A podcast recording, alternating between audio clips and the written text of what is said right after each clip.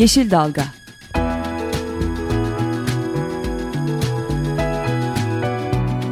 Çevre mücadeleleri üzerine.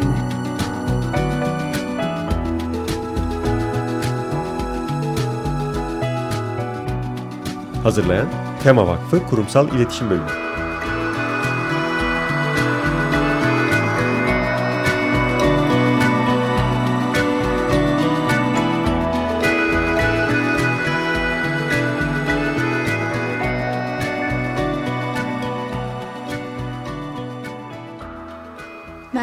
Bir Yeşil Dalga programında daha sizlerle beraberiz. Ben programı hazırlayan ve sunan ekipten Gökşen Şahin. Ben Esra Yazıcı Gökmen.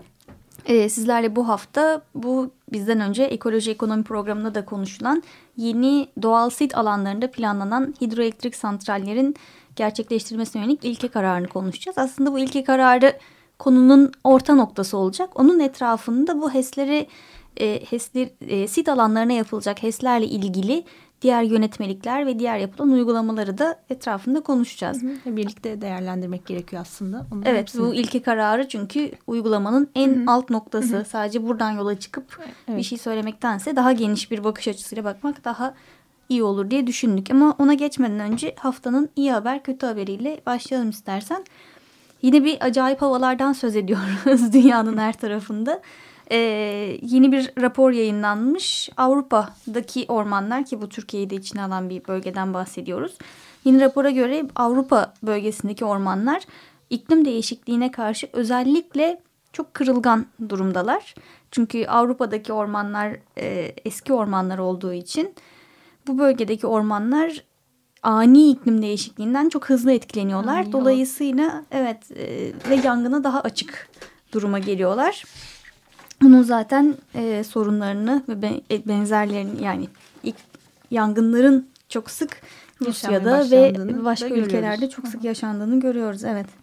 E, ve bu e, aşırı hava olaylarındaki artış da e, artık hani şu an Türkiye'de de yaşıyoruz ve dünya genelinde de bütün yayınlanan raporlarda son geçtiğimiz işte 10 yıl içerisinde e, bu aşırı hava olaylarında e, gözle görülür bir artış olduğu e, hep ortaya konuyor. E, yani ortaya konmasına da gerek yok. Zaten onu bizzat da yaşıyoruz seller, kuraklık ve maalesef kuraklık ve sel de genelde birlikte e, evet. e, yaşanıyor. E, bir bölgede kuraklık artıyor. E, ardından e, yoğun yağışlar nedeniyle seller yaşanıyor. Ama bunun aslında hiçbir e, su varlıklarının geliştirilmesi açısından e, hiçbir önemi de olmuyor. Hem de maddi ve can kayıplarına da neden oluyor.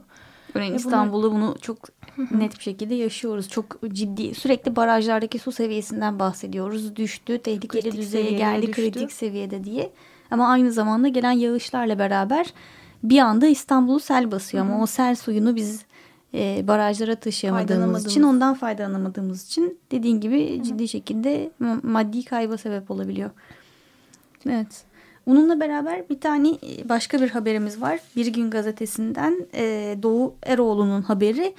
Bu e, HEMA termik santrali ile ilgili bakanlığa sunulan ÇED raporuna e, hazır beton üreten şirket yöneticileri itiraz etmişler. Demişler ki bizim e, 2012 yılındaydı yanlış hatırlamıyorsam 2012 yılında kendileriyle aramızda bir yazışma oldu. Buna istinaen bizim e, termik santrale termik santralin küllerini alacağımızı ve beton üretiminde kullanacağımızı söylediler. Ancak biz böyle bir şeyde teminatta bulunmadık. Dolayısıyla bizimle ilgili yazışmanın ÇED raporundan çıkartılmasını istiyoruz demişler. Yaptıkları açıklamanın önemli olan tarafı biz halkın istemediği bir santrale ortak olup oradan ham madde almayı istemiyoruz diye bir e, açıklama yapmış olmaları. Dolayısıyla e, özellikle Amasra'daki orada termik santral istemeyen halkın çünkü balıkçılık orada çok ciddi şekilde etkilenecek termik santral yapılırsa e, kendi çabalarının termik santralin etkilerini farklı alanlarda da hissettirmeye başladığını görüyoruz. E, şu açıdan da önemli bence. Bu termik santralin en önemli çevre kirliliği yaratan konularından biri de külleri ve bu hep hı hı. gündeme getirdiğimizde proje sahipleri bu küllerin aslında ekonomik değeri olduğunu, işte diğer sektörlerin satın aldığını dolayısıyla hiçbir sorun yaratmayacağını söylüyorlar ama bu e, şu küllerin satın alınacağını iddia edilen şirketin bu açıklaması da bu durumda hani o küllerin ne olacağını e, ya da belki de sandığımız kadar ya da sanmamız istenildiği kadar da aslında o küllerin e, evet. hemen alıcı bulunamayabileceğini de gösteriyor bize. Evet Aynen öyle. Dolayısıyla bu da yani bir başka şey daha gösteriyor aslında böyle bakarsak. Bir başkası bağlı. da ÇED raporlarının yani bizim ÇED raporu okudukça karşılaştığımız sorun. Hı hı. Örneğin işte Mersin'de yani Akkuyu Termik Akkuyu Nükleer Santrali'nin ÇED raporunda Mersin'de buğday yetiştirildiği yazıyordu örneğin bir önceki ÇED raporunda. Dolayısıyla baktığımız zaman biz Allah Allah bunlar bir yerden kopyalayıp yapıştırmışlar ama nereden kopyalayıp yapıştırmışlar diye bakıyorduk. Dolayısıyla ÇED raporlarının aslında ne kadar hızlı, ne kadar dikkatsiz ve ne kadar özensiz hazırlandığını da bir kez daha gösteriyor bize. Dolayısıyla hazır bugün yönetmelikler konuşacakken e, ÇED raporlarının da biraz daha bu konuda güvenilir. belki de güvenilir belgeler olmasına çalışılması Hı. gerekiyor. Burada da herhalde Kesinlikle. artık çevre mühendisi arkadaşlar bu konu alanda çalışan e, daha dikkatli olacaklardır Hı. örneğin böyle hataları yapmamak için. Şimdi konumuza geri dönersek aslında bu e, çok bizim üzerinde çalıştığımız uzun zamandır takip ettiğimiz konulardan bir tanesi. Sit alanlarına planlanan HES projeleri. Bununla ilgili 12'sinde e, resmi gazetede ilki kararı yayınlandı. yayınlandı.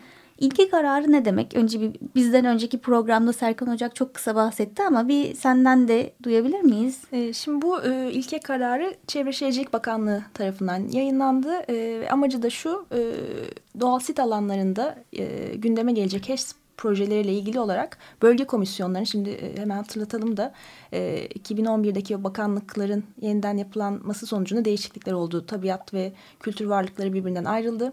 E, doğal sitleri de kapsayan tabiat varlıkları da tabiat varlıklarını koruma bölge komisyonlarına devredildi. Dolayısıyla sit, doğal sit alanlarında yapılması planlanan HES'ler için bölge komisyonlarının bir görüş vermesi durumunda uyması gereken e, yani nasıl bir görüş ver, verecekler onu belirleyen bir e, belge aslında. Hı. Yani bölge komisyonları Dolayısıyla bölge komisyonlarının nasıl çalışacağının çerçevesini çizen çerçevesini çiziyor. Sana ilke böyle bir proje geldiğinde şeyde, evet, evet e, şu durumda şunu yap bu durumda bunun yapılması gerektiği yönde e, görüş verebilmeleri için. Hı.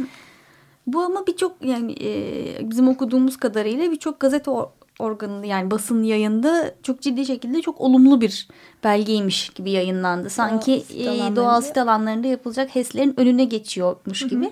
Ama aslında bu demek değil. Aslında doğal sit alanlarında nasıl HES yapılacağının çerçevesini Hı -hı. çizen belge. Öyle mi anlıyoruz? Ee, evet öyle. Ee, yani ilk başta olumlu e, karşılanmasını da aslında... E, anlaşılabilir. Çünkü baktığımız zaman ilk madde diyor ki e, doğal sit alanlarında ekolojik temelli bilimsel araştırma e, raporu e, yapılması sonucunda e, belli kriterler işte e, nadir türlerin rastlanması, e, tehlike altındaki türlere rastlanması ve benzeri maddeler sıralanmış. Bu kriterlerden en az birine sahip olan doğal sit alanında HES yapılamaz diyor. Hani şimdi bu, böyle bir e, girişle e, başlayınca e, tabii hani aa, ne kadar güzel sit e, HES'leri e, kısıtlanıyor doğal sit alanlarında yapılması diye. Ama devamlı e, yine dikkatli okumak gerekiyor. İşte ikinci maddede de diyor ki bu kriterlere sahip olmayan doğal sit alanlarında e, şu belli koşullarda işte bölgedeki insanların e, su ihtiyacını göz önünde bulunduracak Tarımsal şekilde kullanım, benzeri. şey, su ihtiyacı, böyle Balıkların yerel halkın evet. işte o, o ve benzeri koşullarda e, bu koşullara dikkat ederek HES yapılabilir diyor. Burada da aslında şöyle bir olumlu e, ufak bir şey de hani e, söyleyebiliriz. E, can suyu yüzde on gibi öyle bir e, sayı verilmemiş. Yani hani e, her e, doğal sit alanının ya da havzanın e, kendi özelliğine göre belirlenebilecektir göre. diye hani çok iyimser bir şekilde yorumlayabiliriz en azından. Çünkü öyle bir e, Peki şimdiden... bu iyimser de olabilir, kötümser de olabilir diyebilir miyiz? O da olabilir tabii yani yüzde on altına da düşebilir. E, yani her e, doğal varlığın kendi alanına özel belirlenecektir diye de düşünülebilir. Ya da bu aslında o e, minimum suyun azaltılmasına yönelik bir e, açık kapı ha da denebilir. Ama olumlu düşünerek de, devam evet, ediyoruz. Biraz daha olumlu olalım. Ee, daha sonra da üçüncü maddeye iniyoruz. Üçüncü maddede de diyor ki e, doğal sit alanlarının yeniden e, değerlendirilme süreci tamamlanana kadar birinci, ikinci ve üçüncü derece doğal yani tüm doğal sit alanlarında e, bu ilk maddedeki e, korumaya yönelik kriterlerin bulunmaması durumda HES'ler yapılabilir diyor.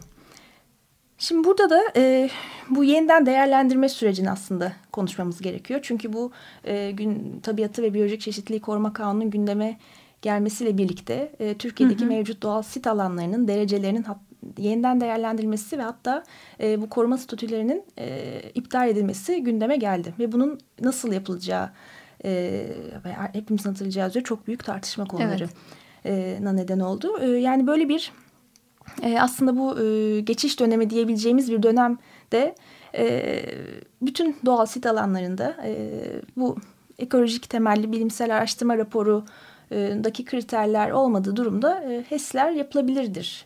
E, yapılabileceğini anlıyoruz. Evet. Peki şöyle bir şeye geldik. İlk madde bize diyor ki ekolojik bir temelli bilimsel araştırma raporunda şu şu şu şu şunlardan herhangi birisi varsa buraya HES yapılamaz. Hı hı. İkinci maddede diyor ki eğer bu maddeler yoksa yani ekolojik temelli bilimsel araştırma raporundaki kriterlere uymuyorsa orası orada e, belli bir takım işte yöre halkının tarımsal ihtiyacı, kusu kullanımı ihtiyacı, bölgedeki ekosistemin ihtiyacı göz önünde bulundurularak HES yapılabilir.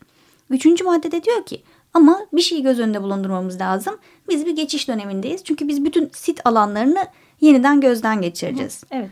Bu arada ekolojik temelli bilimsel araştırma raporundaki maddelerden birisi yoksa orada yapılabilir. Yapılabilir diyor. Evet. Tamam. Peki ekolojik temelli bilimsel araştırma raporu nasıl? Neye dayanarak hazırlanıyor? Şimdi onu içinde aslında e, yönetmeliği yönetmeliğe dönmemiz gerekiyor. E, bu korunan alanların tespit, tescil ve onayına ilişkin usul ve esaslara dair yönetmelik e, diye bir yönetmeliğimiz var. E, bu yönetmelikte e, esas ilk sorun hani bizim tema vakfı olarak tespit ettiğimiz doğal sit e, tanımı e, değiştirildi ve onu biz e, dava hukuki sürece ta Neydi taşıdık. ne oldu bir onu e, Doğal sit tanımı aslında da, daraltıldı diyebiliriz. Jeolojik devirlerle sınırlandırıldı. Ve şimdi bütün bu e, doğal sitlerin yeniden e, değerlendirmesi söz konusuyken tanımının da daraltılması Örneğin ee, jeolojik dönemlerle sınırlandırıldığı için İstanbul Boğazı bir sit alanı olmuyor olmaya, artık. Bir, evet onu o gerekçeyle e, sitten çıkartılabilir. Yani böyle Hı -hı. olacaktır diyemeyiz ama bu onun önünü e, açacak bir e, yeniden tanım yapıldı. Hı -hı. E, ardından da yine bu aynı yönetmeyi korunan alanlarla ilgili yönetmelikte bir değişiklik yapıldı e, bu e, mevcut ve potansiyel yani burada hem e, şu ana kadar e, tespit edilmiş doğal sit alanları ile bundan sonra tespit e, yani potansiyel e, sit alanlarına yönelik e, değerlendirme için bir ön değerlendirme raporu e, diye bir yeni rapor eklendi yönetmeliğe. E, bu raporda şöyle tanımlanıyor ardışık dört mevsim incelemesi gerektirmeyen rapor. E, yani e, yani her... şöyle örneğin e, yine İstanbul Boğazı örneğinden gidelim. İstanbul Boğazı'nda ilkbahar ve sonbaharda kuş göçleri olur. Hı hı. Ama ben kışın İstanbul Boğazı'nı incelersem benim için burada kuş göç o yolu üzerinde öyle bir kuş göç yolu üzerinde değildir. değildir. Evet. Dolayısıyla benim için o kadar ekolojik temelli bilimsel araştırma raporu hazırlamama gerek olmayabilir. Hı, evet, öyle mi? Evet, devamı da öyleydi. Bu ön değerlendirme raporu e, yapılacak. Ardından gerekli görülürse e, ekolojik temelli bilimsel araştırma raporu yapılacak. O da zaten ardışık dört mevsim incelemesini içeren bir rapor ekolojik. Hı hı. Ama e, işte o yapılmadan da bu ön değerlendirme raporu ile e, doğal sit e, dereceleri düşürülebilir ya da e, tümüyle iptal edilebilir. Hı hı. E, bu zaten doğal sit alanlarına yönelik yani HES'lerle birlikte çok ciddi bir e, tehdit aslında. E, tüm HES'ler yapıl, HES yapılacak olsun olmasın. Türkiye'nin tüm doğal sit alanları için e, ciddi bir tehdit. E, dolayısıyla bu e, zaten ilke kararın kapsamındaki doğal sit e, alanına gelmeden ön değerlendirme raporu ile e, birçok doğal sit alanının e, koruma statüsünün kaldırılması e, tehlikesi mümkün. var. Evet. Me, tehlikesi var şu anki e, hı hı. düzenlemede.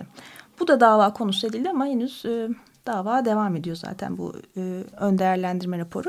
E, ve de e, yönetmelik değişikliğinde önce e, bu değişiklikten önceki haline baktığımızda böyle bir e, ardışık dört mevsim incelemesi gerektirmeyen bir rapor yok olmadan doğrudan tüm doğal sitler bu ekolojik temelli bilimsel araştırmaya e, tabiyken Şimdi, şöyle bir ara evet. şey konuyor e, kondu yönetmeliği. Evet. Dolayısıyla bu sit alanlarının gittikçe e, hani değerlendirme kriterlerinin kısa küçültüldüğü, daraltıldığı, daraltıldığı anlamına geliyor diyebiliriz. Şimdi tekrar ilke kararı hakkındaki tartışmalara geçeceğiz ama ondan önce bir şarkı arası verelim istersen. Ondan sonra tekrar konuşalım. تتذكري لما قلتي لي انك رح تتزوجيني بلا فلوس وبلا بيت تذكري كنت تحبيني مع اني مش داخل دينك. تذكري كيف كنا هيك. تذكري لما أمك شفتني نايم بيت أختك قالت لي انسى عنك. واتفقنا نضلنا هيك بلا دور وطنطنت بلا كرافات وصبحية لما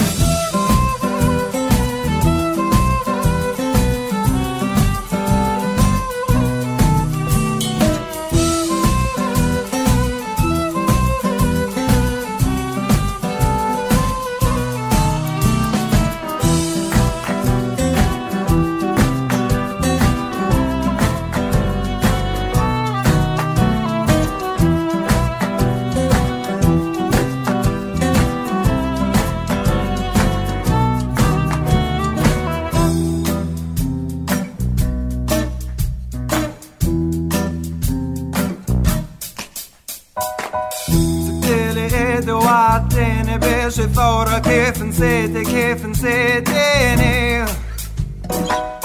ومشطي لي شعري وبعدتيني عالدوام كيف بتمشطي مشطيني؟ سكتيلي إيدي وعدتيني بشي ثورة كيف نسيتي كيف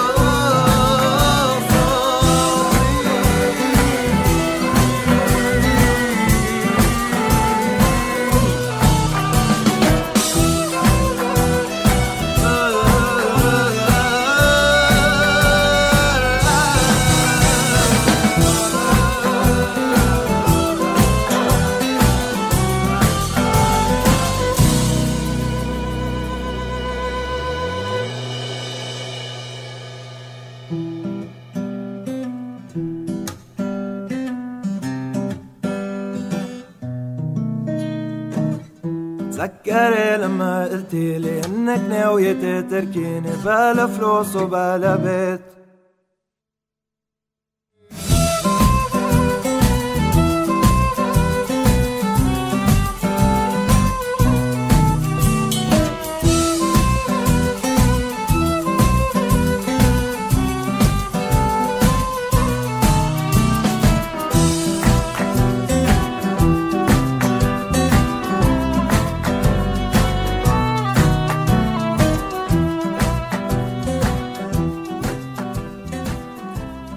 Yeşil Dalga programında tekrar sizlerle beraberiz. Maşru Leyla'dan Fasatini dinledik. Bilmiyorum doğru mu söylüyorum. Arapçam yoktur. yani yok denecek kadar kötüdür. Dolayısıyla e, doğal sit alanlarında planlanan hidroelektrik santrallerin e, gerçekleştirmesine yönelik ilki kararını konuşuyorduk. Aslında ilki kararından yola çıktık. Biraz bu sit alanlarındaki projeleri değerlendiren, korunan alanlardaki projeleri değerlendiren yönetmelikleri konuştuk ve onları tartıştık. Son dönemdeki değişiklikleri. Bunları değerlendirdik. Şimdi tekrar ilke kararıyla ilgili geri dönelim istersen. Hı hı. Bir e, ilk üç maddesini değerlendirdik. Ve dedik ki ilk maddede diyor ki ekolojik temelli bilimsel araştırma raporundaki kriterlere kriterlerden en az birisi varsa o alanda HES yapılamaz. yapılamaz. İkinci madde diyor ki yukarıdaki kriterlere sahip değilse HES yapılabilir. Ki bundan önce e, artık çok geçmişe gidersek bir süre yani yenilenebilir enerji kanunundaki değişikliğe kadar sit alanlarını HES yapılamıyordu zaten. Onunla beraber e, sit alanlarına HES yapılmasının önü açıldı. Hı hı. Şu anda da aslında bu ilke kararı nasıl HES yapılabileceğini düzenleyen bir ilke kararı. Hı hı. Üçüncü maddede de diyor ki doğal sit alanları yeniden e, değerlendirilecek ve ona göre e, birinci, ikinci, üçüncü derece olmaları gözden Hı -hı. geçirilecek.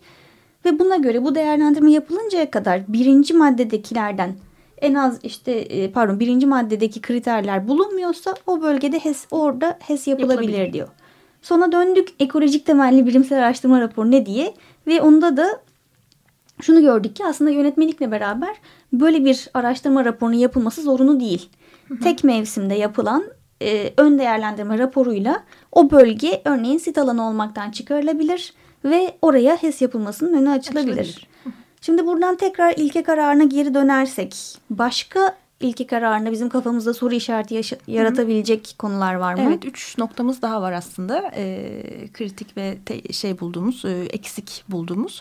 E, bir e, üçün devam ettiğimiz zaman e, ilki şu şöyle bir madde daha var ilke kararında diyor ki e, konusuyla ilgili uzmanların bulunmadığı durumda e, biyolog veya ve veya e, jeologlardan da e, bu bölge koruma komisyonlarınca görüş alınabilir diyor. Hı hı. E, yani bu ekolojik e, temelli araştırma raporuna yönelik.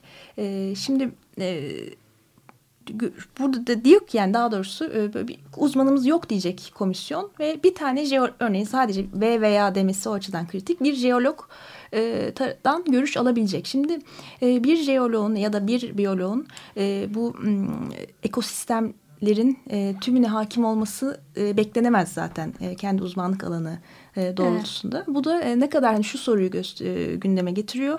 E, bu kişilerin gö vereceği görüş ne kadar e, doğru ve eksiksiz e, olabilecektir. Ve ne kadar bilimsel ve ne olacak, kadar evet. bilimsel. E, dolayısıyla böyle bir uzman olmadığı zaman e, çözüm bu mudur? Yani başka çözümler yok mudur örneğin? Ya da evet. en yakın ildeki ya da en yakın üniversiteden Hı-hı. destek istemek e, gibi gibi e, çözümler, çözümler olabilecekken e, böyle e, yine e, bilim araştırma ve çalışmayı e, daraltan bir e, düzenleme görüyoruz bu maddede. E, bir diğerim e, Şimdi daha önce e, 2012 yılındaydı sanırım.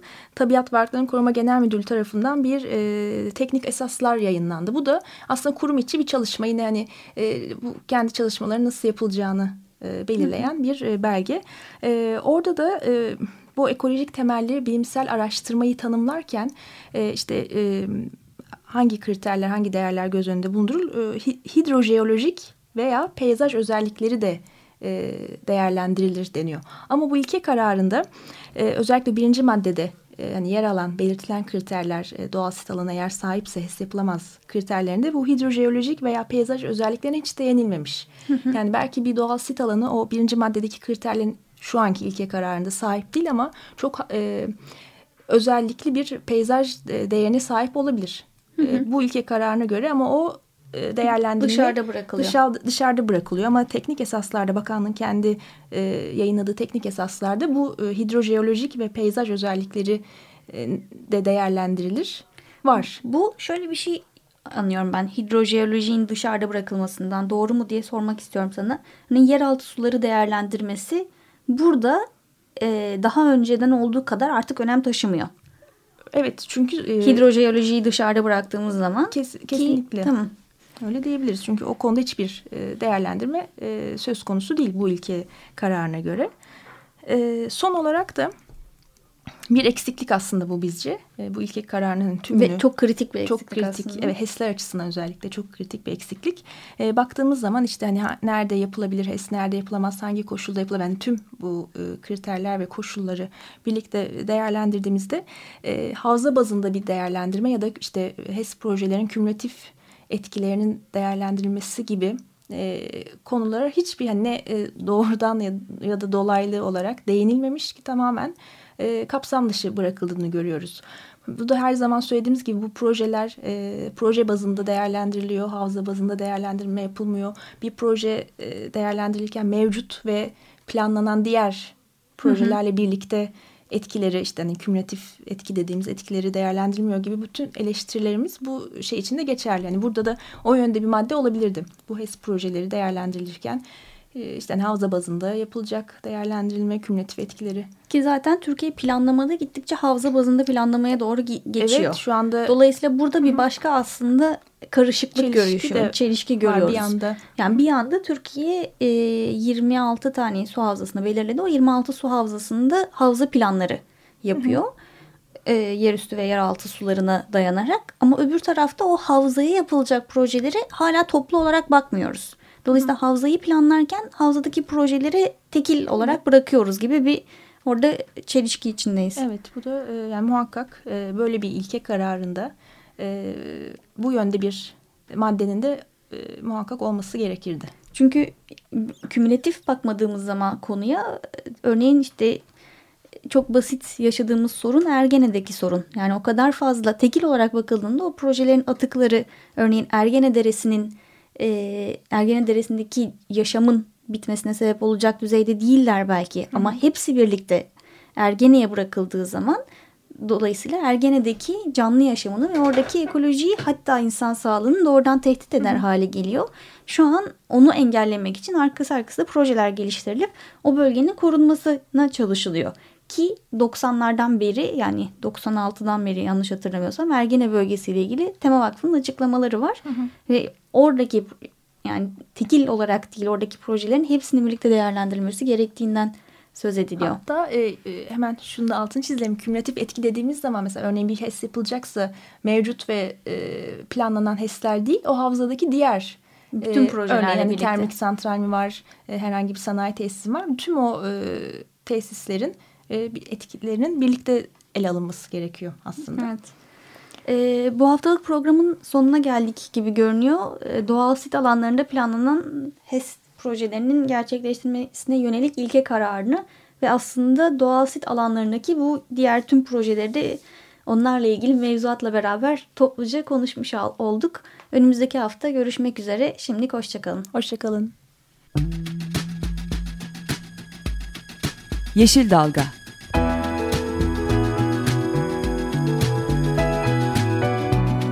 Çevre mücadeleleri üzerine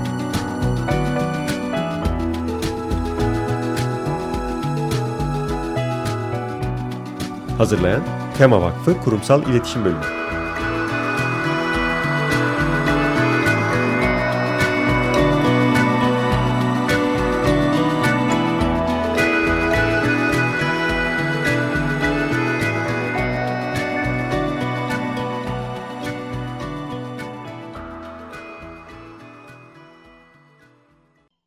Açık Radyo program destekçisi olun. Bir veya daha fazla programa destek olmak için 212 alan koduyla 343 41 41